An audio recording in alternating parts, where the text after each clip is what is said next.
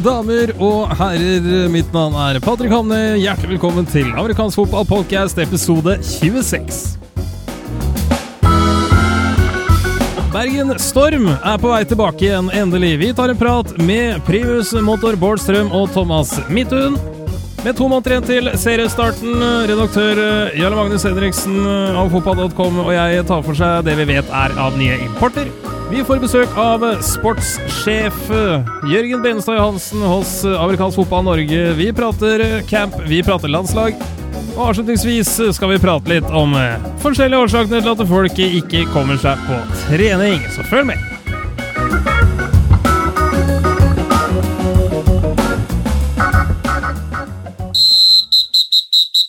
Velkommen tilbake her til amerikansk fotballpodkast. Mitt navn er Patrick Hamnøy. Med meg som alltid redaktør av fotball.com, Jarle Magnus Henriksen. Velkommen til deg. Tusen takk for det. Vi skal ta for oss noen gledelige nyheter her på Vårparten. En eh, klubb som vi trodde skulle ligge i dvale vesentlig lenger enn det den viser seg å gjøre, er på vei tilbake. Stått opp ifra asken. Vi snakker nemlig om eh, Bergen Storm. Og i den anledning så har vi fått besøk av eh, to ringrever innen amerikansk fotball i Norge, og spesielt i Bergen. Bård Strøm, velkommen til deg. Hei, hei. Takk skal du ha. Og Thomas Bringsli Midthun, velkommen skal du være. Takk skal du ha. Ti måneder siden vi snakket sammen uh, sist gang, og da hadde dere akkurat uh, trukket uh, laget deres fra deltakelse i norsk seniorserie. Hva har skjedd siden vi snakket sammen nå for ti måneder siden? Ja, hva har, hva har skjedd siden den tid? Eh, forrige gang vi snakket sammen, så var det vel snakk om at man trakk laget eh, slik i, før overgangsfristen gikk ut, slik at spillerne kunne melde overgang til andre klubber og kunne likevel spille selv om Bergen Storm trakk laget. Eh, det, det, var jo den, eh, det var den korte versjonen av det. Eh, tanken var jo at spillerne og laget skulle samles etter sesongen og bygge seg opp igjen mot året etter, men det motsatte skjedde jo. Når Bergenstorm avholdt sin generalforsamling i juni i fjor, så hadde klubben ingen spillere, ingen trenere og ingen styremedlemmer. Det var med andre ord helt dødt. Så det tok ikke veldig lang tid før alle andre klubber, alle andre hva skal si, idretter med rund ball involvert eh, tok over treningstidene våre. Eh, var målet på Varden kunstgress, en av de fineste stadionene i Norge eh, innenfor amerikansk fotball, målet der ble fjernet. Og stort sett så var det vel egentlig ingen som visste knapt eh, hvor en nøkkel til en utstyrsbod var. Så vi var vel egentlig altså, Klubben var vel egentlig i fullstendig vekke. Han ble holdt kunstig i live av Bergen Storm cheerleading i en periode. Og dette var jo litt synd. Eh, så vi eh, vi begynte vel derfra, og eh, noen hva skal vi si, ildsjeler da, som hadde trukket ut av styre og stell, skjønte jo at enten så tar vi tak nå, eller så forsvinner klubben fra alltid. Og vi var vel helt der at vi mente at forsvinner klubben for alltid nå, så er det greit. Da har klubben hatt sin tid, og vi prøvde, og det gikk ikke. Og det får være det. Så det er vel det som har skjedd siden sist, da. Du deler dette her med, med ildsjeler. Nå er det jo uh, hele ni gamle ildsjeler som uh, nå har meldt seg til tjeneste, og Eirik Talhaug er blitt valgt til, uh, til, ny leder. Altså For et år siden så var det ingen, og nå er plutselig alle tilbake. Har dere på magisk vis fått mer tid, eller hva, hva ligger til grunn for at det nå, nå skal vi begynne? Nei, altså jeg skal svare på den, Patrick, så um, handler det litt om at uh, vi som har uh, gått i gang med dette igjen, vi um, har på en måte vært veldig ærlig på forutsetningene at vi ønsker å gjøre det. Uh, og Deriblant er det jo slik at uh, det er vel ingen av oss som ikke har uh, familie, barn, en jobb og diverse som, som, på en måte må ivaretas uansett hvor mye vi har lyst til å drive med fotball. Um, sånn at jeg tror den ærligheten oss som deltar imellom, er på en måte noe av nøkkelen her. Fordi at vi er alle på vi er alle like, kan du si. da. Altså, vi har like store problemer med å vie så mye tid til dette som vi egentlig har lyst. Og dermed så vier vi tilstrekkelig sammen. For å fortsette litt med deg, da, Thomas. For du satt jo som, eh, som leder for Bergen Storm i en, uh, i en årrekke, for å, for, for å, si det mm. mildt. Altså, du har jo fått uh, litt tid til ettertanke i forhold til klubbdrift osv., vil jeg anta, siden uh, siste periode som, som, leder. Altså, hva, hva, hva, skal dere gjøre annerledes denne gangen, har du tenkt? Nei, altså det, det som uh, altså Jeg skrev jo et uh, langt brev til klubben den gangen jeg trakk meg for en fire år siden. Um, og Da pekte jeg litt på det som var utfordringen. og det var det at Man ble sittende veldig alene. Og så ble det dannet en kultur der jeg var gjerne dumsnill nok til å sørge for at det aldri gikk skikkelig galt fordi vi ikke hadde nok folk å veksle på. Um, som førte til at jeg ikke orket å gjøre dette lenger, og tok da på et relativt fornuftig tidspunkt for klubben sin side i forhold til årshjul og sånne ting, og gi beskjed om at nå er, nå er det kroken på døren for, for, min del. og det vel, ble vel dessverre litt sånn at det ble litt sånn begynnelsen på slutten eh, for flere. Og det er veldig, veldig synd. Men uh, nå, nå, er vi på en måte litt der at vi, vi, vi kommer inn og, og, har bestemt oss for å gjøre dette i fellesskap. og Vi har veldig klare forutsetninger for, for å være med og vår egen deltakelse og sånt. Og alle har på en måte såpass like overførbare situasjoner at vi sympatiserer med de utfordringer som småbarnsfedre gjerne møter i, i hverdagen, i kombinasjon med alt som hører med. Utfordringer? Hvilke utfordringer? Nei da. Jeg, jeg, jeg, kan bare spille inn der at uh, vi har vært veldig flinke å rekruttere. Jeg tror vi er oppe i hvor mange er det, Thomas? Tre, seks, ni, rundt de tolv eh, barn eh, totalt fordelt på de uh, hodene som er med der. Mm. Så det, det, det, er bare det at de er fortsatt 12-13-14 år unna å komme seg på banen, da. ja, ingen skal si at ikke dere gjør deres del, i hvert fall sånn i forhold til eh, langsiktig planlegging. Men eh, så fra spøk litt med alvor, da. Bård, eh, hva, hva, er de konkrete planene nå framover? Hva ligger i umiddelbar framtid nå for Bergen Storm amerikansk fotball? Ja, vi bare for å følge litt opp på det Thomas sa. Altså, vi var veldig ærlige med oss sjøl når vi gjorde dette. Vi begynte å mobilisere. Vi er ute etter folk som fortsatt hadde et uh, hjerte i klubben, som ønsket at klubben skulle uh, overleve, men som ville være ærlig med seg sjøl i forhold til hvor mye tid og innsats de ønsket å legge inn i det. Og så satte vi en, uh, satte vi en frist egentlig til Superbowl. hvis vi ikke greier å få opp aktiviteten inn rundt Superbowl, rundt den tiden der, så ville Superbowl-party til Bergen som først og fremst være gravølfest, for vi la inn ned hele skøyten. Eh, heldigvis så, så, greide vi jo egentlig å meisle ut en noenlunde OK sportslig plan. Vi ønsket å gå for eh, Skulle vi først gjøre dette, så kan vi tenke litt langsiktig. Vi kan eh, prøve å bygge opp eh, juniorbiten først, fordi det er jo strengt talt der vi har bygget fundamentet vårt tidligere. Det er jo gjennom junior. Uh, og egentlig begynne litt på scratch der, men det forutsatte at noen hadde tid til å ta på seg vervet som hovedtrener. Og det forpliktet at de som var rundt hovedtreneren, eh, evnet og var villige til å støtte opp og gjøre de si, tiltakene som kreves for at hovedtreneren bare kan tenke fotball og tenke det å organisere treninger. Så skal vi andre ta oss av resten. Så det er litt der vi er. Eh, rett før i slutten av januar-februar så fikk vi ny trener på plass. Stein Rage, gammel um, Storm-veteran. Uh, han er ikke veldig gammel. Du sier, det, du, sier det, feil, han heter Rage til etternavn. ja. Det er perfekt for å trene ungdommer. Mm. Men faktisk, faktisk, litt sånn, for han er ungdomsskolelærer og pedagog. Mm. Uh, og en uh, god mann til å trene opp juniorene. Og han hadde en haug med krav som han kom inn med. Skal jeg gjøre dette, så skal det ikke være slik det har vært med Bergen som før. Og vi applauderte det, for det hadde vi sagt før. Mm -hmm. Skal vi gjøre dette, så skal det ikke skje sånn som det ble gjort tidligere. Du kasta ut en ildsjel som valgte å stikke hånden i været, og kasta han ut på banen, og så satser vi på at det går bra. Så nå, eh, Det vi har gjort eh, forskjell fra tidligere, er faktisk det at vi har eh, Jeg føler vi er rundt åtte-ni personer rundt Stein, som alle gjør litt av sin egen innsats. Og vi fordeler Vi er veldig ærlige med hva vi holder på med, og hva vi hva, hva oppgaver som gjøres, og så fordeler vi det etter beste evne. Og hvis noen ikke kan, så Bård, ja. Er dette fast definerte roller, eller er det sånn at dere mikser dere imellom fra uke til uke hvem som gjør hva? Hvordan er det? Eh, nei, jeg tror vi kan ta vekk rollebegrepet og heller si ansvar. Eh, det, er, det er en del ansvarsoppgaver som kommer på bordet, og det Noen ganger mikses det, og noen ganger er det helt naturlig hvem som har det ansvaret. Og Hvis man ikke følger opp det ansvaret, så blir det veldig synlig. Altså. Ja, okay, så det er en liksom- stadig, stadig, fordeling av oppgaver, da? Ja, litt. Men uh, du kan si uh, hvis ikke websiden eller kommunikasjonen på Facebook blir oppdatert, så er det litt min feil. da. For Det er strengt tatt jeg som sitter på passordene på de. Uh, hvis ikke penger blir overført, så vet vi hvem det er, hvem det er som sitter på kontoene. Så Ok, det er det litt sånn er enkelt fordelt eh, internt. Ja. Så planen nå er egentlig at eh, vi har hatt, eh, kommet i gang med treninger. Vi har hatt, eh, hvis jeg ikke tar feil, 12-15 spillere innom, forskjellige spillere innom de treningene vi har hatt. Hvilken aldersgruppe det er dette her, da? Mellom 13 og 16 år. Så det er 12 og 16 år, kanskje. U17, U15 dere tenker på i første omgang, eller? Det er jo det. da. Målet må jo sånn sett være å, å gå i Å kunne delta i seriespill i 2018. Altså Noe annet er jo litt kjipt, hvis vi ikke greier å få det til. Ja.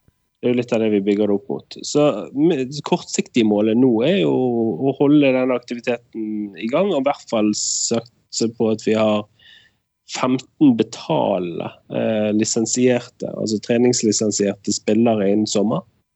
Eh, slik at vi kan videre vi, Sånn at vi har et grunnlag for å kunne melde på laget til seriespill til 2018. Det høres egentlig ut som eh, veldig fornuftige planer. Jarle Magnus, har du noe å spørre om sånn eh, avslutningsvis? Ja, mange spørsmål, faktisk. Kan du begrense deg? begynne med Norsk Tipping og grasrotandelen. Vi har jo notert oss at, eh, at eh, Bergen Storm eh, har vært flinke til å få inn penger via grasrotandelen, selv om dere har ligget litt brakk. Men er det cheerleading-delen som får alle de pengene, eller hvordan har det fungert? Er det penger på bok her?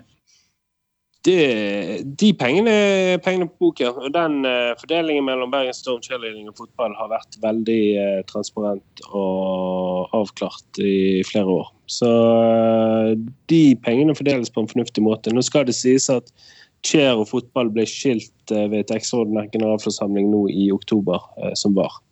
Så nå er det helt skilt. Så nå sitter Storm egentlig på Den opprinnelige organisasjonsnummeret sitter Storm på nå fra 2017 tror jeg det er. Hvis ikke det er helt feil, med, med forbehold om noen Men det er det er et eh, kjempeflott eh, økonomisk utgangspunkt, da, når det først eh, setter i gang igjen, tenker jeg. Det var det, var det som var så interessant. Vi hadde altså en av, en av Norge, etter min mening, da, en av Norges beste baner å drive amerikansk fotball på. Vi hadde et utstyrsrom med over rundt 40 sett med utstyr av forskjellig kvalitet. 15 baller. Vi hadde full opptelling på hva vi hadde av utstyr. Vi hadde penger som ramlet inn på konto hvert, hvert, eneste, si, hvert eneste kvartal fordi at vi ikke brukte noen penger. Eh, alt vi manglet, var spillere, trenere og styremedlemmer. Men utenfor det så hadde vi alle fasiliteter tilgjengelig for å drive amerikansk fotball.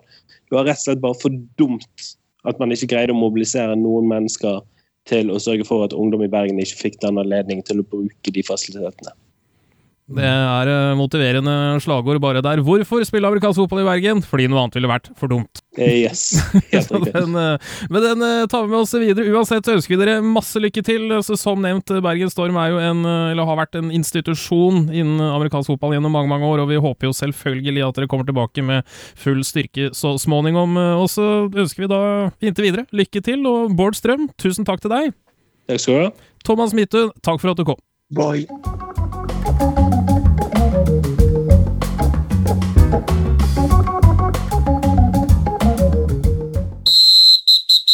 Det er eh, 20. februar idet denne sekvensen spilles inn, og det er eh, nøyaktig to måneder igjen til eh, serien sparker i gang eh, for fullt. To måneder er ikke lenge, og de aller fleste lag er nå veldig godt i gang med forberedelser til sesongen.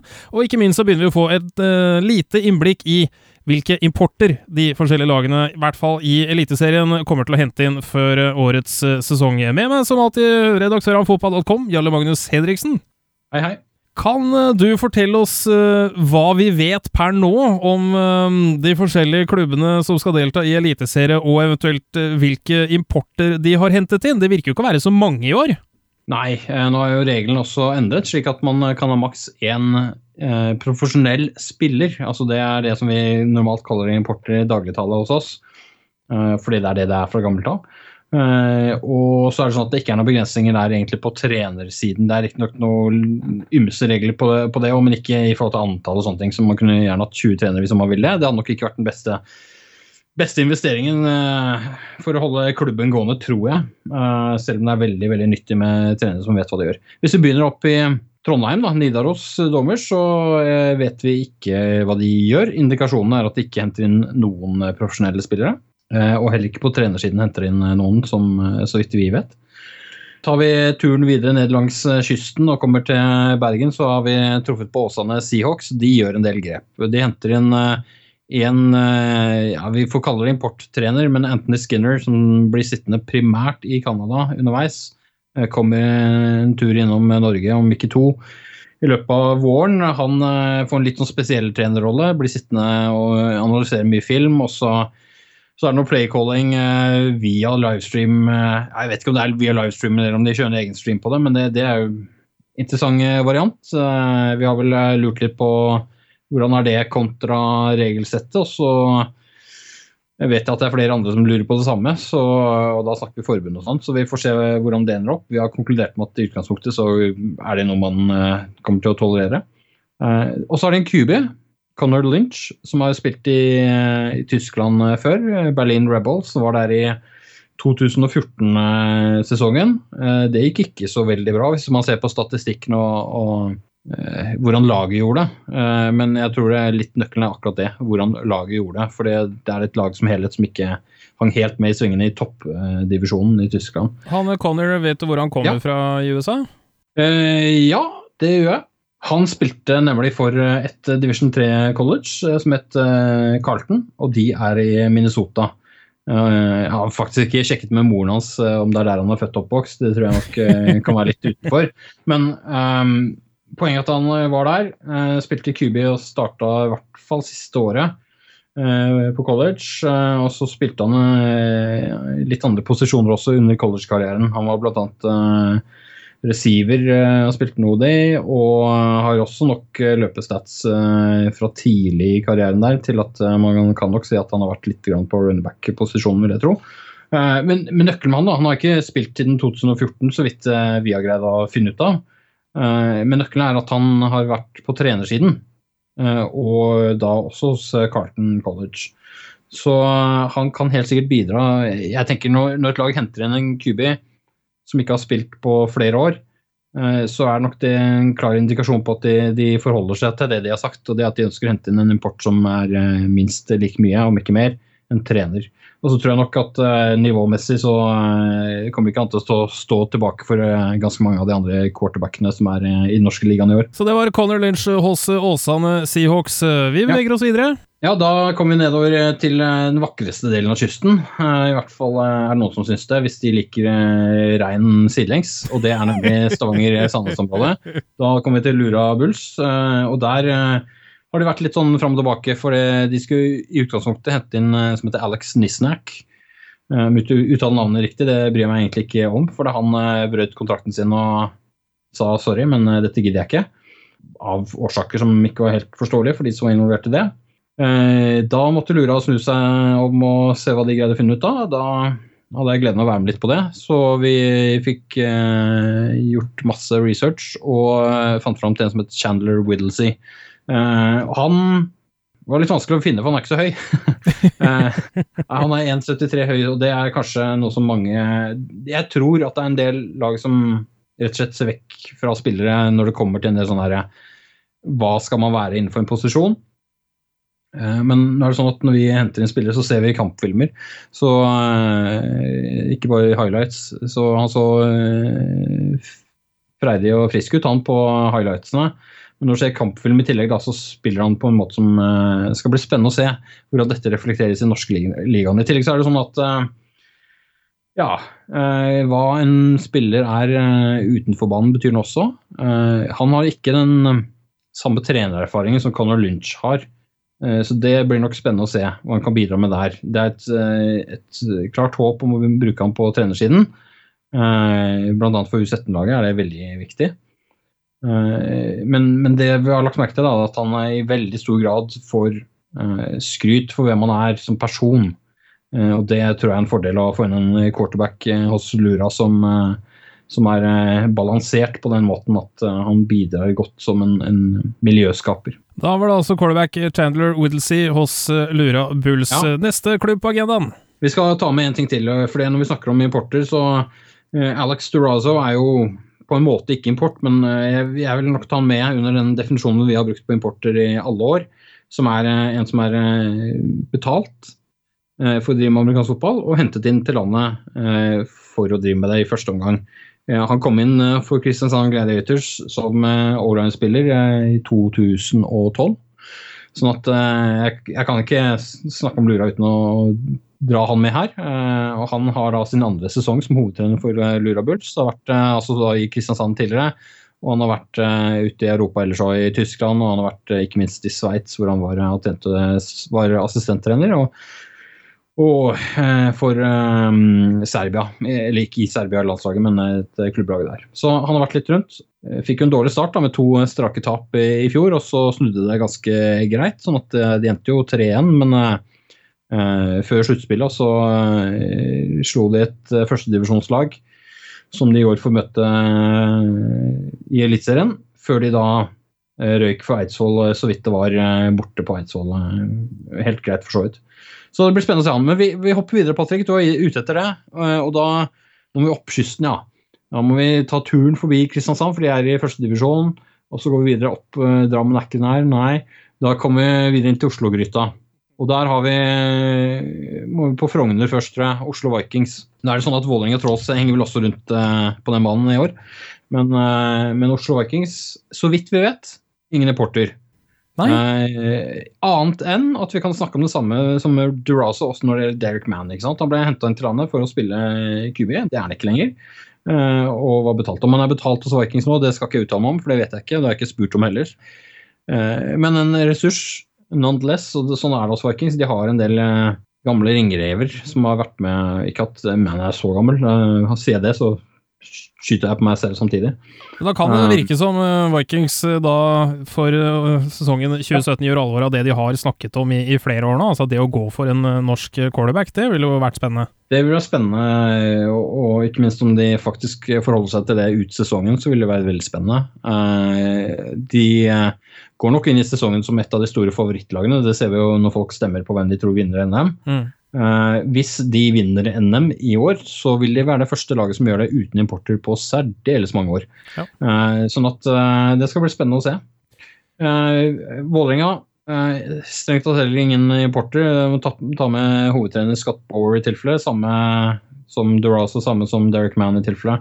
Uh, kom til land som import uh, er vel strengt tatt ikke det nå, med mindre han plutselig dukker opp uh, på banen. og det mm, tror vi vel kanskje ikke. Det er noen år siden det skjedde sist, så vi, vi har vel våre tvil der, skal vi si det. Vi har det. om han dukker opp, så blir det jo morsomt å se, men den tid, den glede slash sorg alt ettersom om man er motstander eller spiller på lag med dem. Vi får se. vi har Eidsvoll igjen. 1814s. Der er det jo skjedd en del endringer. Eh, men det de ikke endrer på, det er at de har en eh, linebacker eh, som også kan spille runback og gjøre litt andre triks i judo, som import. Mm. Det er ikke Riley Bowen, det er Michael Hall. Og Michael Hall er en veldig solid linebacker som også kan spille runback på et godt nivå, og har gjort det i Europa i en årrekke nå. Jeg har fulgt med på han ganske lenge, for ja, jeg, har, jeg har gjort rekruttering en del år og har snakket med han flere ganger. Uh, han har vært uh, helt klart en av de som jeg syns har sett bra ut og vært uh, aktuell ut fra sportslige hensyn. og jeg har ikke noe negativt å si noe sted når det gjelder han. Så jeg tror det er et kjempespennende valg for Eidsvoll. Det blir kjekt å se. kommer de til å savne Riley eller ikke? Det blir kanskje litt sånn spørsmål utover. og der skal det bli spennende å se på hva han kan bringe. Så har de en annen trener enn de hadde i fjor. De hadde Greg Clyden. Nå har de altså TJ Reap. Uh, ja, du høster det du sår, så ordspill og greier, det blir mye moro for oss, dette her. uh, og Reap han har uh, er litt sånn samme greie med Eidsvoll, syns jeg, som med Åsane. Altså, Åsane henter en, en quarterback som har vært trener og sånne ting. Eidsvoll henter inn en trener som har masse bakgrunn rundt det med å være trener for unge spillere og ungdomslag og den type ting. Sånn at kan liksom skimte at de vil opprettholde en del av det arbeidet som har blitt gjort fabelaktig de siste årene på den fronten. Ja. Det blir spennende å se. Altså, men vet du, noe, vet du noe om han, han nye hovedtreneren? For Eidsvoll har jo hatt en veldig markant uh, offensiv profil de, de siste årene. Uh, vet vi noe om, om, om spillestiler, spillsystemer som han har valgt å benytte seg av tidligere, eller er det litt opp i det blå? Altså, han har jo en lang bakgrunn innen fotballen. Han er ikke en uh, ungfole. Han er ikke en som har startet karrieren sin nå, han har vært med lenge. Og var i Europa første gang i 1992 da som uh, spillende trener. Uh, det jeg har sett tidligere, er litt sånn etterlevninger av, av, ting som nok kan komme til å stemme godt overens med det Eidsvoll har gjort de siste årene. Så jeg, jeg ser ikke helt vekk fra at uh, de tar med seg en del av systemet sitt inn til, og har kanskje hatt litt det som forutsetning også når de skulle finne ut trener, og så har de funnet en som sannsynligvis passer godt. Eh, og så tipper jeg at han har sagt som de fleste andre trenere at eh, ja, jeg tilpasser i forhold til spillematerialet. Eh, og det vil jeg tro at det er et godt utgangspunkt å ha. Jeg tror han har det utgangspunktet. Så Skal vi si at uh, Det er ikke alltid trenere treffer på det. Altså, det er ikke alltid de gjør akkurat det de sier de skal gjøre. Uh, Eidsvoll har vel erfart det tidligere, og da vet noen år tilbake. Uh, men jeg, jeg, tror ut fra den profilen det er valgt, så tror jeg det blir en, en fyr som kan passe godt inn. Så det, det, blir kjekt å se hva han får til. Og så blir det litt spennende å se, da, fordi at Greg Clyden var en ekstremt markant person der, og i norsk fotball de senere årene. Sånn at det er litt som å hoppe etter Wirkola, dette her, tenker jeg. Og da, det er ikke nødvendigvis, altså De vant jo ikke NM på senior i fjor, det er ikke det jeg sier. Men det er noe med hvordan oppfatter spillerstanden dette her. Er det, er det noen som har sluttet av denne grunn osv.? Det vet ikke vi så mye om. Jeg har notert meg at Eidsvoll har eh, publisert på Facebook-siden sin at eh, det er mange på trening og sånt, så det lover jo godt. Så satser vi på at eh, de er et lag å regne med i toppen også i år. Det er det, og det vi også har snakket om i, i podkasten tidligere, dette her med, med kontinuiteten, er uh, alfa og omega for en klubb. Så nå får vi et, et lite brudd i det for Eidsvolls del, men uh, det trenger ikke nødvendigvis slå negativt ut. Jeg hadde lyst til å spørre deg om én ting sånn på, på tampen, Jørgen Magnus. Uh, du er jo, eller har i hvert fall vært, relativt involvert i rekrutteringen for Lura Bulls en del. Når man tegner tegner kontrakt med en spiller som så blir borte, så får du jo ganske mye dårligere tid på å finne en, ja. en erstatning som import. Altså, hvordan, Kan jeg spørre deg litt om hvordan den prosessen har vært for din del nå som du har vært midt oppi det? Nei, Da er det jo klart dårligere tid, så da er det å finne fram gamle notater. Eh, X-Lark, den typen oversikt man har. Eh, hvem er det man har snakket med tidligere som eh, er aktuelle fremdeles? Og så gjelder det å gjerne sjekke litt i forhold til nye som har kommet inn i forskjellige rekrutteringsdatabaser. Og da snakker jeg f.eks. om Europlayer, Europlayers, som er den vi har eh, sverget til. Sånn at eh, det er noe, det er ikke noe mer å gjøre enn å være enda mer effektiv enn det man normalt er, tidsmessig. Så prosessen begynner ikke på nytt igjen, da, selv om tiden plutselig ble ganske mye kortere? Jeg gjør jo gjerne det opp mot enkeltspillere, men det er ikke sånn at man Innenfor rekruttering så er det sjelden man begynner med helt blanke ark enhver sesong. Man, man, har en liste med spillere fra tidligere år. Vi har en liste på rundt 1500. Eh, mange av de er ikke aktuelle, men når man har det sortert, sortert på posisjoner og eh, en viss rangering fra 1 til 10 og litt sånne ting, eh, så er det mye kjappere å finne fram til de man vil snakke med. Og så er det sånn at eh, man må hele tiden ha øynene åpne for nye kandidater som kommer inn. Så det er rett og slett noe så kjedelig som at nøkkelen ligger i godt forarbeid?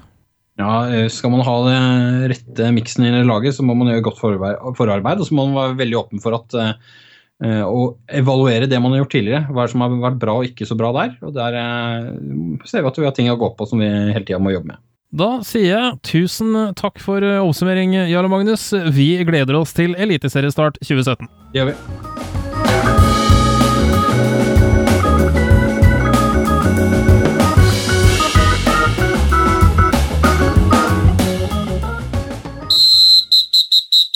Og her i amerikansk fotballpodkast har vi fått eh, det vi nesten skal kalle celebert besøk. Vi har fått eh, selveste sportssjefen i amerikansk fotball eh, Norge på besøk til oss. Jørgen Benestad Johansen, velkommen til deg. Tusen takk. tusen takk. Hvor befinner du deg i verden akkurat nå? Jeg er fortsatt i Oslo. Jeg har ikke kommet meg hjem etter vi har hatt camp i Valhall nå i helga som var. Det er riktig. Den, uh, dette spilles inn da tirsdag 21. februar, og i campen uh, som du nevner på Valhall, den ble arrangert nå i helgen 17. til 19. Og vi har jo hørt masse, masse positivt. Det var mange, og det var nyttig. Kan du, har du et sånt estimat på hvor mange deltakere det var på denne campen?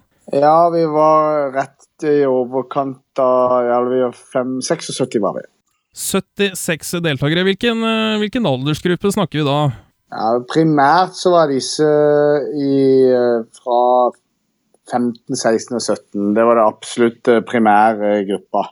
Så hadde vi noen uh, som var akkurat fylt 18, og, og 19-åring eller noe sånt, og så et par godt voksne menn. Så, så, og også et par av de aller yngste som var 14, da. Så det var en ganske uh, grei spredning, med andre ord? Ja da, egentlig. Men det lå en, hoved, uh, en hovedgjeng der om, om du vil, på 15, 16 og 17. Har du noen formening om hvor mange klubber som var representert, eller? Ja, eh, jeg har ikke telt, men det er i hvert fall åtte eller ni. Åtte eller ni klubber eh, primært, Ja. da, sånn ikke Vestlandet, for dit skal jo dere senere, og dit kommer vi, Ja, vi- vi- kommer vi tilbake til, for så vidt. Vi så ikke noe besøk fra Trondheim, ikke fra Bergen, ikke fra Haugesund og ikke fra Stavanger. Nei. Men ellers så så vi fra de aller fleste, eh, bortsett fra Sarpsborg har vel juniorlag, holdt jeg på å si, men der så vi ingen. Og heller ikke fra Kongsvinger. Nei. Men ellers, ellers var det stort sett representert, da. Men det var eh, nesten 80 deltakere på, på denne campen. Jeg vil vel anta for å eh, oppfylle treningsbehovet til så mange, så har dere også vært et eh, anstendig antall coacher. Hvor mange coacher var dere, og hvor kommer disse fra? Ja, vi var, øh, vi var holdt på å si, syv norsk fastboende trenere som ble plassert på hver sin posisjon. Um, og så hadde vi fire gjestetrenere fra USA. Um, og i tillegg så var det meg selv og uh, Greg Clayden, vi som da uh, forsøker nå å, å å være led, ledende trener da på, på det juniorlandslaget. Så da betyr det at vi var uh, 13 trenere sammen. 13 trenere, det er et, et godt antall. Disse fire amerikanerne, hvem, hvem er disse, og hvor har du funnet disse? Vel, eh, jeg har funnet disse gjennom en kontakt jeg fikk med eh, en, en kar som heter Chad Hester i fjor sommer. Han har eh, i mange år jobba for USA Football og bl.a. vært involvert i landslag for amerikanske damelandslag. Han har vært og jobba for landslaget til Australia. Og han har vært det som kalles for en sånn regional master trainer for USA Football i flere år. Eh, hans eh, kollega eh, og to av hans andre kollegaer innenfor dette USA Football-nettverket kom til oss på denne måten. Altså gjennom via samarbeidet med han Chad Hester. Da. Så det er på en måte linken, om du vil. Ja da, er dette hovedsakelig posisjonstrenere som har kommet over, da, eller? Ja, det er det jo. Nå er det jo sånn at når man, disse som allerede har vært gjennom systemet og kvalifisert seg i, i, i, i head, altså i, um, USA Football, de, de, de, de var her hos oss som posisjonstrenere, men flere av de har enda jobber som hovedtrenere på high school, store high school-programmer. Eller så, så fungerer det ikke som trenere i dag, men har mange mange år bak seg som både headcoach og posisjonstrener og koordinator. Så, så det, det er hele spekteret av eh, kunnskap. Eh, Hva er det primære fokuset for en sånn eh, utviklingscamp som forbundet forbundet avholdt nå i helgen? Det primære fokuset er det du akkurat sa, utvikling. Utvikling av spillere, utvikling av trenere, eksponering til bedre fotball, eh, ny inspirasjon fra gjestende trenere.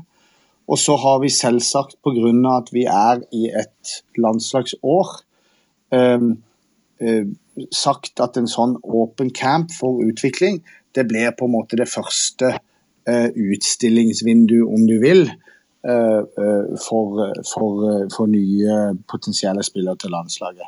Nå er jo det sånn at I lille Norge så er nesten alt et utstillingsvindu. Hvis man kjenner noen, eh, hvis man har hatt Jeg hadde to camps som jeg arrangerte i høst, ikke sant? Ja. Eh, hvor, hvor det var 17 år og yngre som deltok på henholdsvis camp i Kristiansand og på Raufoss. Vi nesten samla hele landet da på de samme aldersgrensene. Så alt er jo egentlig et utstillingsvindu når du, når du logger hvordan ungdommene har gjort det på camp, og du ser hvor coachable og, eller hvor gode de er til å ta trening, og, og hvilke holdninger de har, og, og hvor inspirerte de er. Så, så det blir det jo på en måte hele tida, at man kikker etter talenter. Og eh, du som eh, har vært med å holde disse utviklingscampene nå, det begynner å, det begynner å bli noen år. altså Ser du, noen, eh, ser du progresjon på, på spillerne våre gjennom disse årene du har holdt på, og i så fall, hvor er det tydeligst? Ja, jeg, ser en klar progresjon. Eh, Jeg ser en, en tydeligst progresjon. En veldig hyggelig en er at det er mye, mye enklere å finne bedre kvalifiserte trenere i Norge enn det var helt i starten når vi gjorde dette, på hver enkelt posisjon. Eh, En annen ting er at eh, det oppsvinget, om du vil, av både en U15-serie og en U17-serie de siste årene gir oss et ganske mye større grunnlag på spillere på de yngre alderstrinnene, 15-17 spesielt. Eh, 14 kanskje også. Og, og, Der ser du mer dybde, og når du får mer dybde, så ser du gjerne også mer talenter. Eh, det kanskje aller hyggeligste eh, er at vi har sett en veldig bra utvikling på både spillere og ikke minst på antall på, på quarterback- og receiver-posisjoner. Det har vel kanskje en liten sammenheng med hvilken type offense vi har sett eksplodere nå de, de siste årene, som også har kommet uh, her til lands. Men uh, vi nevnte jo ikke dette innledningsvis, så jeg tok det for gitt at alle visste, men vi kan jo si det for sikkerhets skyld, at en uh, sportssjef i amerikansk fotball Norge, han er også da landslagstrener, og som du nevner, disse campene er der for å utvikle spillere, men også for at landslagstrener skal få lov til å begynne å se etter talenter. Hvis det er noen yngre spillere som, som hører på dette her, hva, hvis du skal plukke ut tre ting som du ser etter hos en potensiell landslagsspiller, hva er det? Er det aller viktigste er viljen til å ha lyst til å være idrettsutøver på ordentlig i amerikansk fotball. Og holdningen det eh, på en måte krever. Altså at, at, dette ikke her er bare en sånn en hobby eh, som man gjør av og til. Eh, det betyr jo at om klubben din tilbyr deg bare to eller tre ganger i uka med fotballtrening, så er det litt om hva vi kan se på deg at du gjør utenom det også, for å gjøre deg klar for å spille denne sporten, som er veldig fysisk eh, krevende. Det er kanskje den første tingen. Det andre tingen er jo at det er vanskelig å komme utenom hva skal vi si, atletiske evner i forhold til kroppsstørrelse. Det er jo amerikansk fotball i et nøtteskall. At uh, vi ønsker oss kropper som kan bevege seg ganske kvikt og hurtig i forhold til hvor stor man er. Og Det er sånne ting som er veldig iøynefallende, og som du ser etter. Og Det tredje du ser etter, det er en kombinasjon av hvordan man tar coaching, altså hvordan man er lydhør for å lære nytt, og hvordan man kanskje har blitt lært ting fra før. Altså man har en viss grunnteknikk. Eh, så det, det er nok de tre tingene som er aller viktigst. Og Hvis det er noen uh, som kanskje fikk, ikke fikk deltatt på den campen dere holdt i helgen, så vil jo da, som vi nevnte litt tidligere, være en, en ny mulighet i, i Bergen eh, om to uker, helgen til 3.-5. mars. Den er jo da fremdeles åpen for alle som ønsker, vil jeg anta? Den uh, campen i Bergen den er åpen for alle som ønsker. Um, jeg har forstått at uh, de går ikke like langt ned i alderstrinnet som, som, vi gjorde på Valhall. Jeg har forstått at det er Eh, om du vil 17-årskullet og oppover, som er fokusen i, i, i, eh, i, Bergen. Eh, den kampen er et samarbeid mellom forbundet og Åsane Seahawks, som har arrangert en lignende leir i flere år. og Det er veldig mye etter samme malen som Åsane Seahawks har arrangert den før.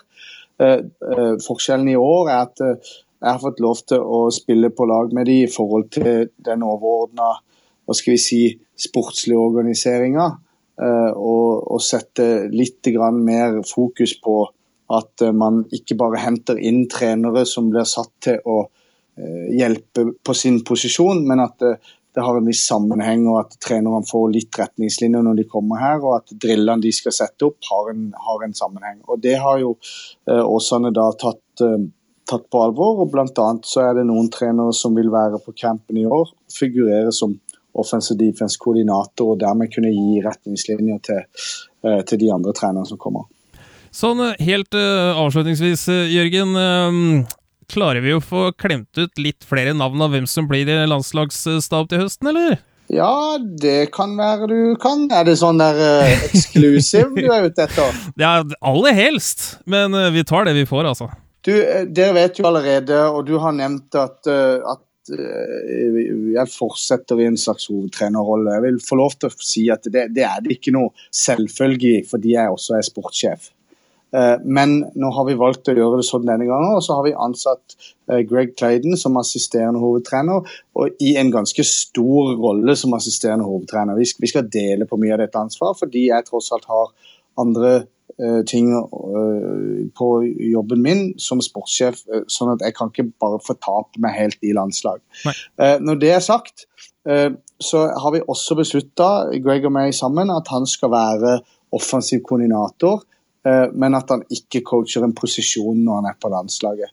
Så er vi så heldige at vi har fått med oss Jesse Alderfer som eh, alle kjenner fra Oslo Vikings, som vant NM-gull med Oslo Vikings på seniornivå nå i sommer. Ja. Eh, som har trappa litt ned på hvor mye han er involvert i Oslo Vikings eh, på, på jevnt nivå. Og har da sagt ja til å være defensiv koordinator for juniorlandslaget.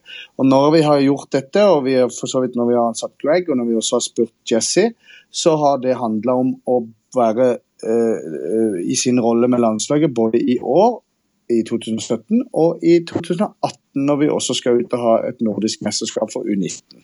ja. Um, så er vi videre i den posisjonen at uh, vi har fått med oss uh, Anders Jerpseth fra uh, Vålerenga Trolls. Um, han kommer til å coache defensive backs og være special teams-koordinator. Hei! I tillegg så vil Scott Bohr, som også er fra Vålerenga Trolls, han vil bekle rollen på quarterbacks. Eh, en fin støtte til Greg der når det gjelder offense. Uh, Scott var jo offensiv koordinator for seniorlandslaget når vi sist hadde det. Um, I tillegg så er det kommet på plass én til posisjonstrener, det er på defensiv linje.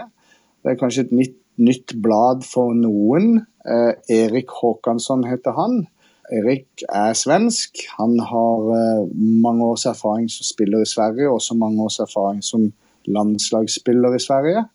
Og var sist å se på Lillestrøm når det var en lineman camp der i regi av Lillestrøm Starfighters, hvor Stefan Johansson, som eh, kom fra College USA og training camp i NFL, holdt O-line, så var det Erik Håkansson som holdt D-line.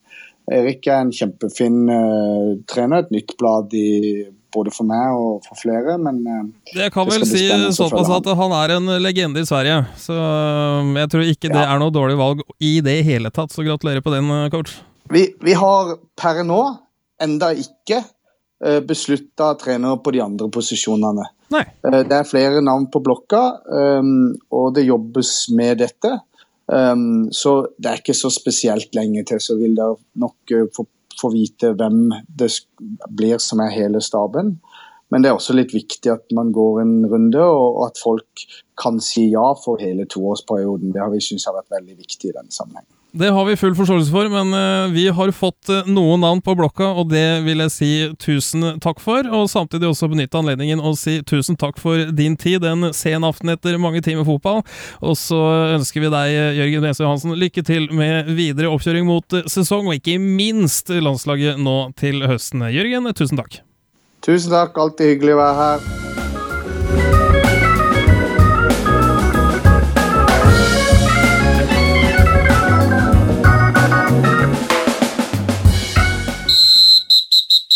Og her i amerikansk fotballpodcast så ser vi anledningen byr seg å eh, ta for seg en artikkel som eh, kom ut her for eh, ja, en ukes tid siden, som har vist seg å være en av de aller mest populære vi har skrevet, nemlig 'Kan ikke komme på trening for det. hvor redaktør av fotball.com, Jarle Magnus Henriksen, eh, rett og slett gulper opp 20 år med frustrasjon som trener over spillere og deres ulike årsaker for å ikke dukke opp på trening. Jarle Magnus, eh, hva var, eh, hva var motivasjonen til å skrive den artikkelen? erfaring, og ikke minst å dele den erfaringen. Og så er det sånn at vi er i forsesongen, eh, og det er akkurat på dette tidspunktet her at lagene begynner å kjenne på dette med er folk seriøse nok, kommer de på trening osv. Da tenkte jeg jeg gi et lite bidrag. Uh, Egentlig var det ikke jeg som tenkte det, var noen andre som så artikkelen, for den har ligget uh, Jeg skrev den sikkert for et år siden, og så skrev jeg utkastet til den for flere år siden, og så tenkte jeg egentlig tankene i 2012, som var utgangspunktet for artikkelen. Eh, Så var det noen internt i skribentgruppa som så at eh, dette burde vi slenge ut. Så tenkte jeg vent nå. Det er eh, Valentine's Day på tirsdag. Eh, og det er liksom en av de verste unnskyldningene ever, og det har jeg faktisk fått høre en gang. Av en som ikke spiller lenger, selvfølgelig. Eh, og det kunne ikke komme fra at han skulle på date da. Eh, og da Ok, vi må ha ut en artikkel på mandag, sånn at uh, folk kan begynne å tenke over uh, hvor de har prioriteringene sine når de er del av en lagidrett. Og så tenker jeg at uh, dette er noe for lagene å dra med hjem, og, og ikke minst å tygge på selv. For vi har veldig lett for å se Det er nok enkelt å se eh, logikken i en del av de tingene jeg skriver, selv om jeg maler det litt med bred pensel for å illustrere dette her, og ikke minst få ut irritasjonen. Eh, men, men jeg tror vi skal være ærlige nok til å erkjenne at vi selv stort sett alle har truffet på noen av disse for vår egen del òg. Og det tror jeg er viktig å tenke på.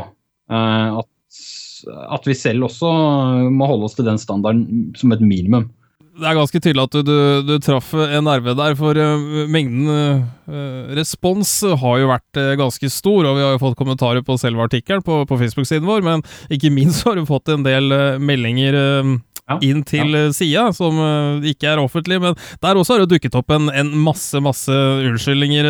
Hva er noen av gullkorna som, som vi har fått inn der? Uh, ja, nå, nå, kan du glede deg, for disse har ikke du hørt før. Men uh, jeg har bl.a. en med uh, Jeg var på dat dataparty og døgnet til helga, så jeg kan ikke komme på tirsdagstreningen. Den syns jeg var bra.